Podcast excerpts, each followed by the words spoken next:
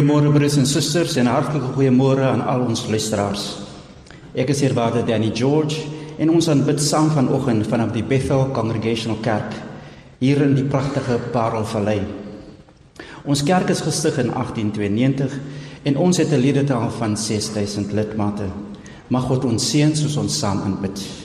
En nou as lede in die huisgesin van God, in die eenheid van geloof, in die gemeenskap van heiliges in liefde en welwillendheid teenoor almal laat ons in die teenwoordigheid van ons Here Jesus Christus ons opnuut aan hom en aan mekaar toewy in vreugdevolle verbond om saam te loop met God en met mekaar in al die voorregte en pligte van ons hoë roeping in Christus Jesus.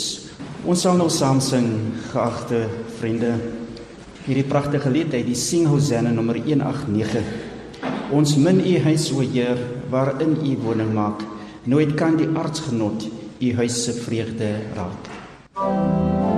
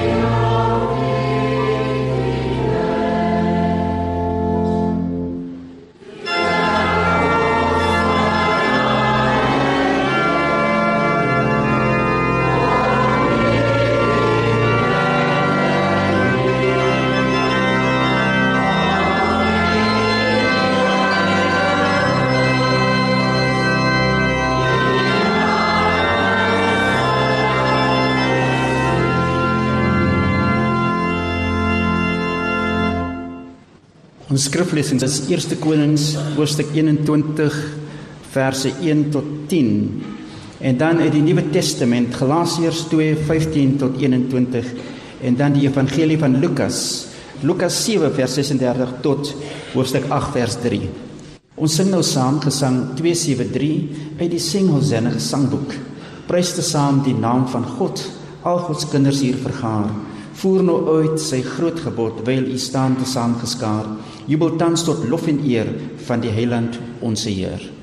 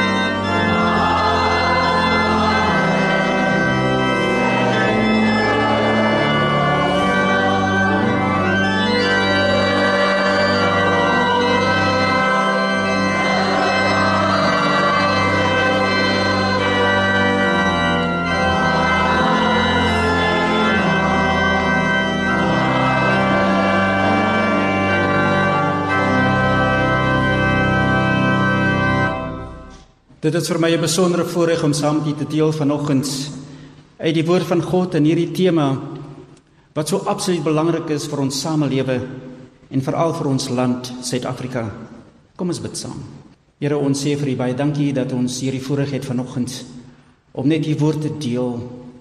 Here gaan u ons voort en hou vir ons in u vrede en vreugde. Want ons bid dit in die naam van Jesus. Amen. Geagte broers en susters, geagte luisteraars, in Mei vanjaar was ons baie bevoorreg dat die gebede vir die Heilige Week opgestel was deur die kerke van Latvia.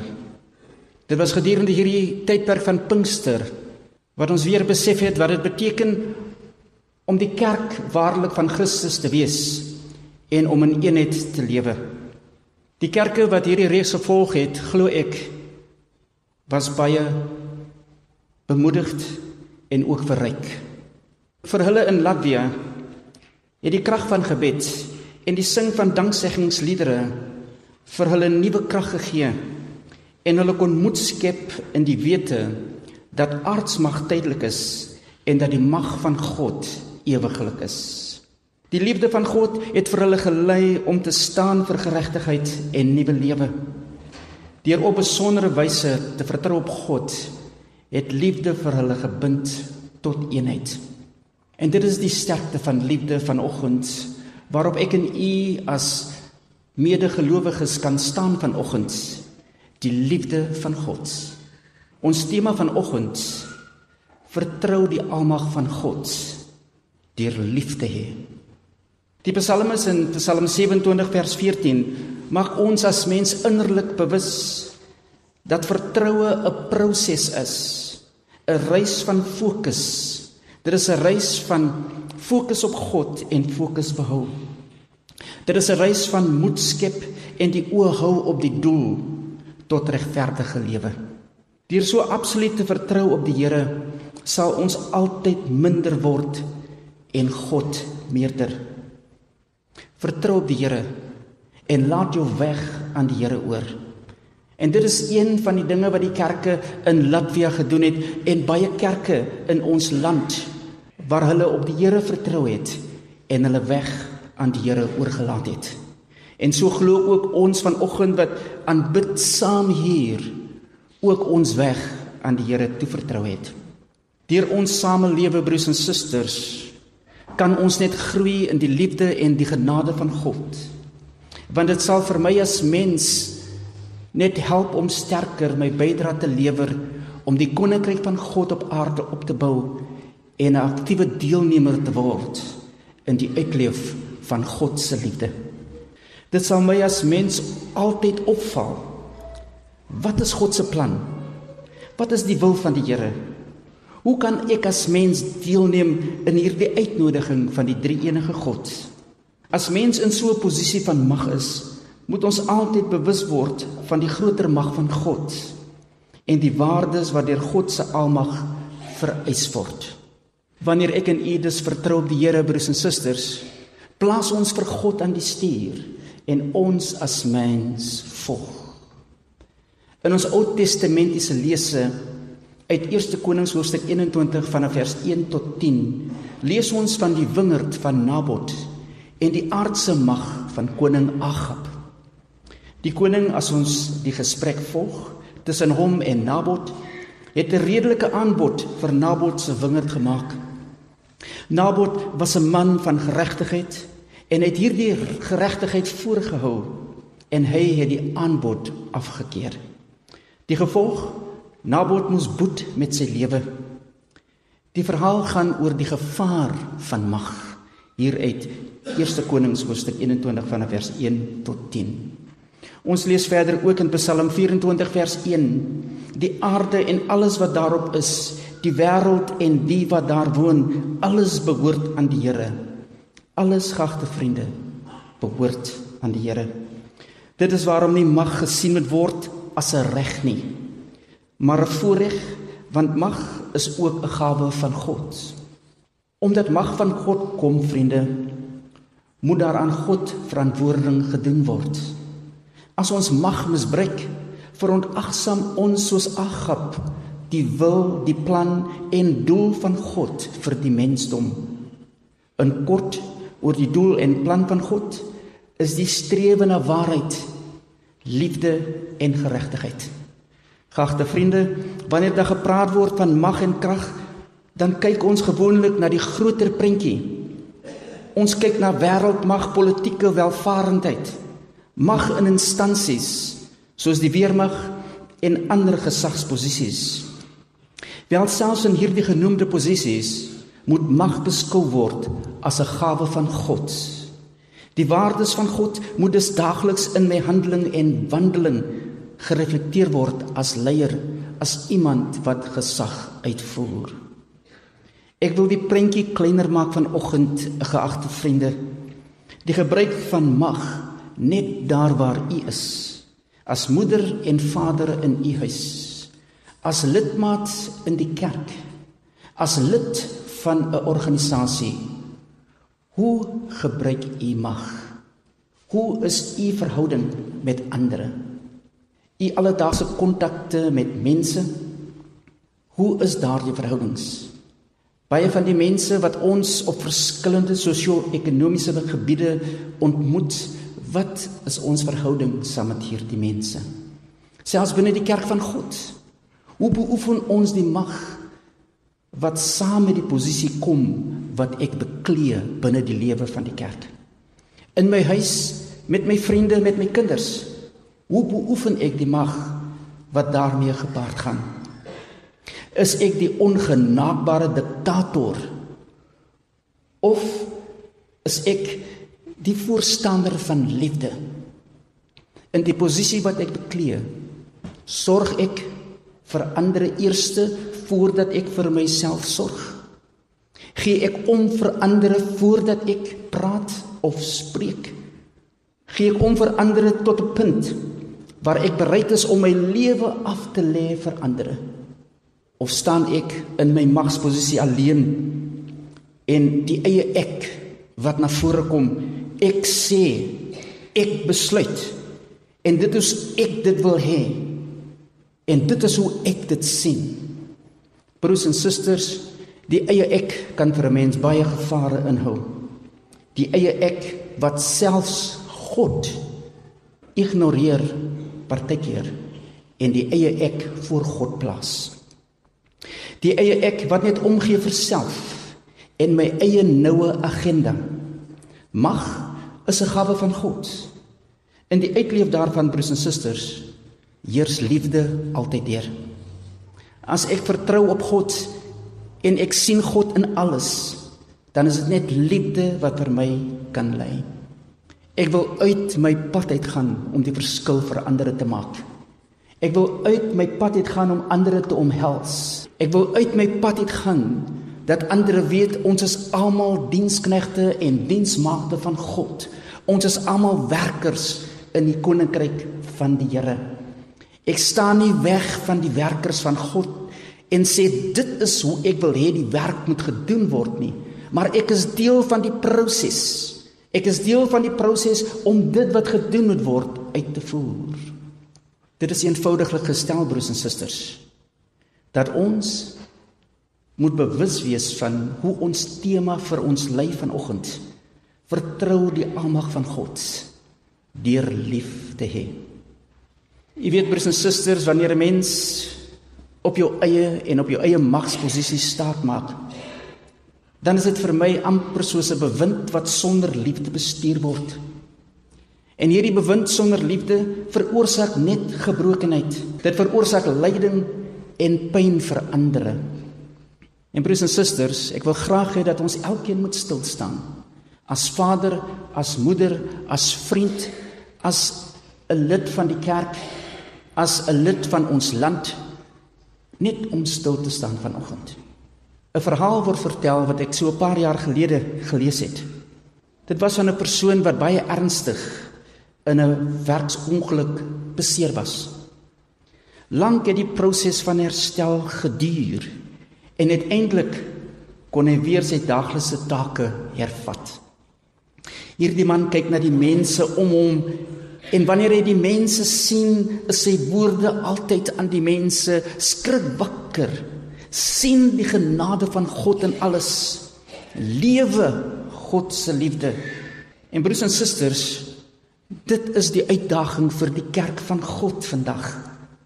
Miskien moet ons kyk na ons omstandighede en begin om die liefde van God uit te leef.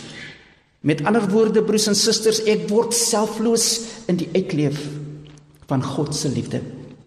Ons verwag altyd broers en susters wanneer daar van verandering gepraat word, dan wag 'n mens altyd dat verandering moet kom van bo af. Dit moet kom van ander mense. Dit moet kom van hulle wie in beheer is. Ek waar ek is, ek is in beheer. Net daar, net daar waar u is. En die vraag wat ek weer eens aan u stel is, Hoe is my verhoudinge met ander? Onthou, ek as mens het ook mag as 'n gawe van God ontvang. En as ek dit reg gebruik, dan sal dit net wees om God se liefde uit te leef. Miskien deur genade en ek deel dit mee met baie liefde en met diepe respek en oortuiging. Miskien moet ons wakker skrik. Want ons het 'n rol om te speel en ons kan die verskil in die lewe maak. Die onderrig wat ons vanoggend het die woord van God ontvang, help vir ons om die verantwoordelikheid op te neem aan dit wat regverdig, reg en waarheid is. Dit wat heilig is, dit wat eerbaar is, dit wat die verbond van God verlang. Ons word geroep vanoggend om dit uit te leef uit te leef is die woorde wat ek graag wil onderstreep gagte vriende want ons word hier geroep tot aksie. Jy weet baie keer sê 'n mens in ons magsposisies of die mag wat ons uitoefen ek laat dit maar aan die ander oor. Maar hier kan ek leiding neem broers en susters. Ek kan leiding neem deur net eenvoudiglik lief te hê. Gelowige aksie beteken om op eenvoudige wyse toe te laat dat liefde sal heers. Deur ons posisie in die samelewe met mag en gesag te kroon, teken ons as te ware 'n kontrak met isolasie, selfgeregtigheid en verdeeldheid. Dink net aan die gevolge broers en susters. Wanneer ek in my magsposisie wil die gesag oor ander uitoefen, beteken dit isolasie, selfgeregtigheid en verdeeldheid. Inteendeel help liefde ons om die alternatief in die gemeenskap uit te leef.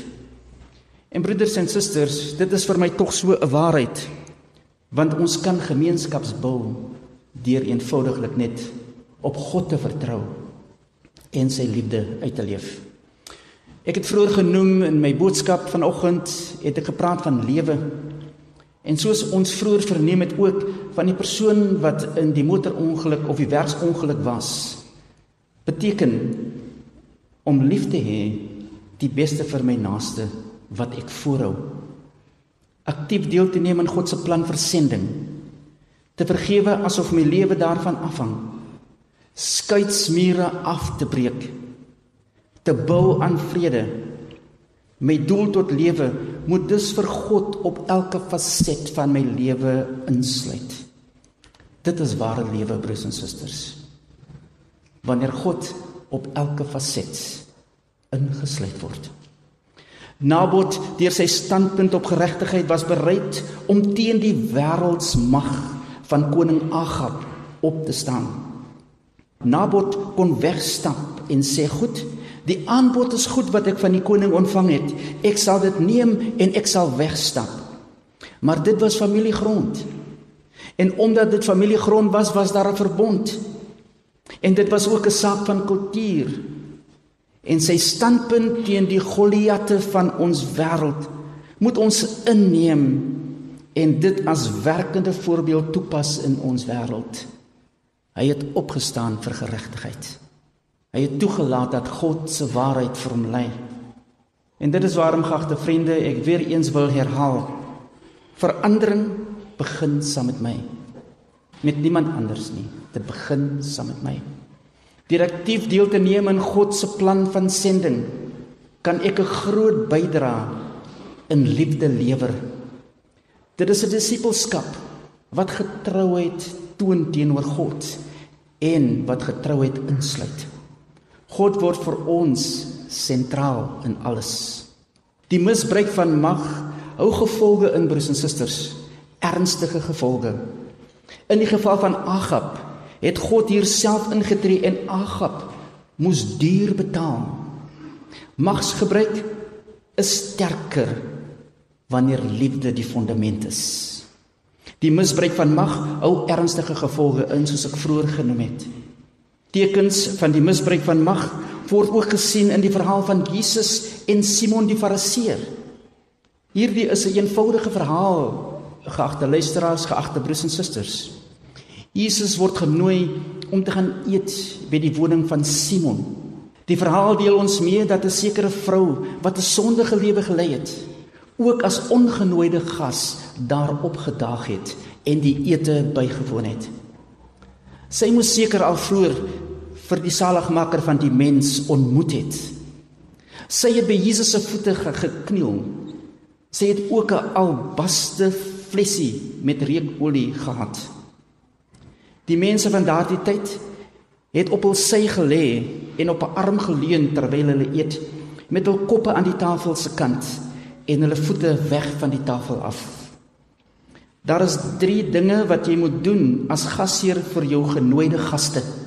Eerstens omdat die mense in daardie tyd sandale gedra het, moes jy as gasheer jou gaste se voete was. Tweedens moes die gasheer ook reukolie op die kop van sy gas of gaste uitgiet. Derdens moes die gasheer ook die gas soen. Nie een van hierdie sosiale etikette is gedoen toe Jesus vir Simon die Fariseer besoek het nie. Dit kon miskien gewees het dat die eie ek vir Simon gedryf het om te glo dat hy beter was as Jesus. So belangrik kon Simon die Fariseer gevoel het dat hy vir Jesus as gelyke beskou het en as gelyke behandel het. Daarteen het 'n sondige vrou aan Jesus haar trane gegee om sy voete te was. Haar hare geneem en sy voete afgedroog. Haar dierflesie reukolie gegee het en sy voete gesoen het. 'n Mens vra dus die vraag, nou waarom het Simon so iets sy pad het gegaan om vir Jesus te nooi as hy geweet het vooraf dat hy vir Jesus so gaan behandel? Was dit miskien omdat hy vir Jesus geadmireer het of wou hy Jesus uitdaag om iets te sê wat teen Jesus later gebruik kon word om 'n klag teen Jesus te maak? Of was dit miskien dat hy homself meer belangrik geag het as Jesus? Dit wys vir ons weer eens broers en susters wat die misbruik van mag aan 'n mens kan doen. Jy glo in 'n wêreld wat nie bestaan nie. Hierdie verhaal deel ons sterk mee van twee houdings wat na vore kom. Een van Simon die Fariseer en een van hierdie pragtige vrou. Simon die suiwige godsdienstige leier ontvang vir my hier geen vergifnis nie en soos dit ook baie duidelik gestel word. Maar hierdie sondige vrou wat Jesus bedien het met haar trane haar reukolie en haar soene ontvang vergifnis. Broers en susters, ek wil dit ook net baie duidelik stel. Dit is nie die reukolie of die trane of die soene wat vir haar vergifnis verseker het nie. Dit is omdat sy haar sonde besef het. Sy het besef dat sy 'n sondige mens was. En omdat sy besef het dat sy 'n sondige mens was, het sy die troon van Jesus genader deur by sy voete te kniel. Broers en susters, intendeel diegene wat dink dat hulle te goed is om te sondig, ontvang geen vergifnis nie. Hierdie vrou het besef wie sy was en deur haar sonde te erken, stel sy haarself ook voor aan ons as 'n mens wat liefde het en 'n mens wat haar behoeftes ken. Hierdie natuur van hierdie vrou het vir haar gedryf om die beste van haarself te gee vir Jesus Christus en die beste te vra van die seun van die mens deur haar aksie. Sy het vergifnis ontvang. Liefde dryf vir ons om risiko's te neem. En hierdie vrou het risiko's geneem, geagte vriende. Sy was 'n ongenooide gas toe Jesus by Simon die Fariseer gekuier het. Die gasheer kon haar vra om sy huis te verlaat. Maar liefde het vir haar hoop gegee in Jesus Christus en liefde het vir haar toegelaat om vas te staan in geloof, in liefde en in hoop. Een van die mooiste karaktertrekke van mag wat deur liefde uitgeleef word, is waarheid. En 'n mens sien die waarheid deur hierdie vrou se lewe. Die erkenning ek is 'n sondige mens. Paulus maak dit ook baie duidelik aan ons bekend broers en susters in 1 Timoteus 1 vers 15 wanneer hy ook praat van sy eie sondige mens en sy eie sondige lewe. Broers en susters, waarheid lê vir Jesus om Simon daarop te wys in hierdie gedagtes Soos hy haal Simon die Fariseer het jy gefaal, meneer. Geen water vir my voete, geen reukolie, geen soene nie. Hierdie vrou het dit alles gedoen. Liefde was 'n natuurlike reaksie op wat sy gedoen het en sy ontvang vergifnis. Deur sonde besef kan 'n mens die waarde van God se vergifnis begryp. Jesus het mense vergewe of hul norme tot die samelewe redelik was of as hulle selfs baie sondige mense was. Jesus het vergewe. Die Fariseërs het geglo dat God alleen sonde kan vergewe. Deurdat Jesus sonde vergewe, het hy werklik beklemtoon waar sy mag vandaan kom. Dit kom van God. Eie geregtigheid, broers en susters, sluit vir ons af van God se vergifnis. Paulus, soos ek vroeër genoem het, kom praat Van hulle is ek die grootste sondaar. Hy kon praat, broers en susters. 'n Sondebesef sal die deur tot God se hart van liefde open en vergifnis sal volg. As ek nie my sonde besef nie, as ek nie kan erken dat ek vir God verkeerd gedoen het nie, veroorsaak dit skeiding, vervreemding en die eie ek en eie selfvoldaanheid. Broers en susters, hierdie mag is tydelik. As ek nie my behoefte kan sien as mens nie. In liefde is daar ewige mag vir ons om God te behaag en ons naaste sentraal te plaas. Daardeur kan ons ook lewe verander. Ons kan ook so die alternatiewe gemeenskap bou.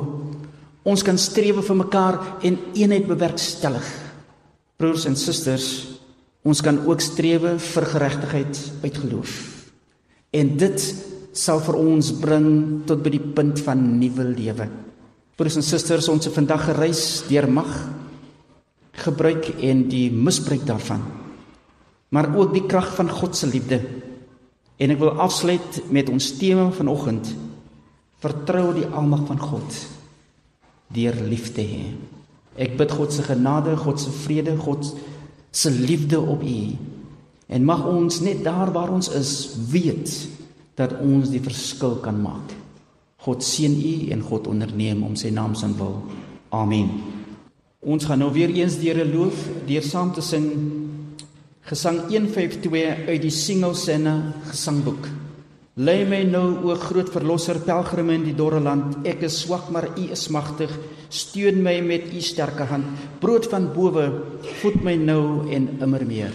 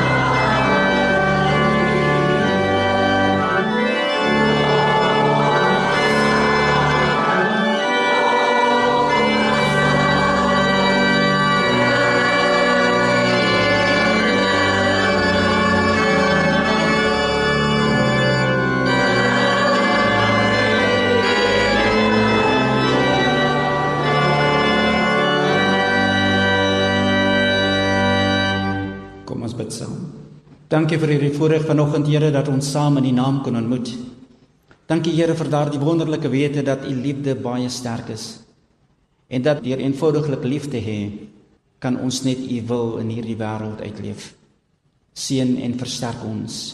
Want ons bid dit in die naam van Jesus. Mag die Heiland se genade immer met ons elkeen wees met die liefde van die Vader en gemeenskap van sy Gees.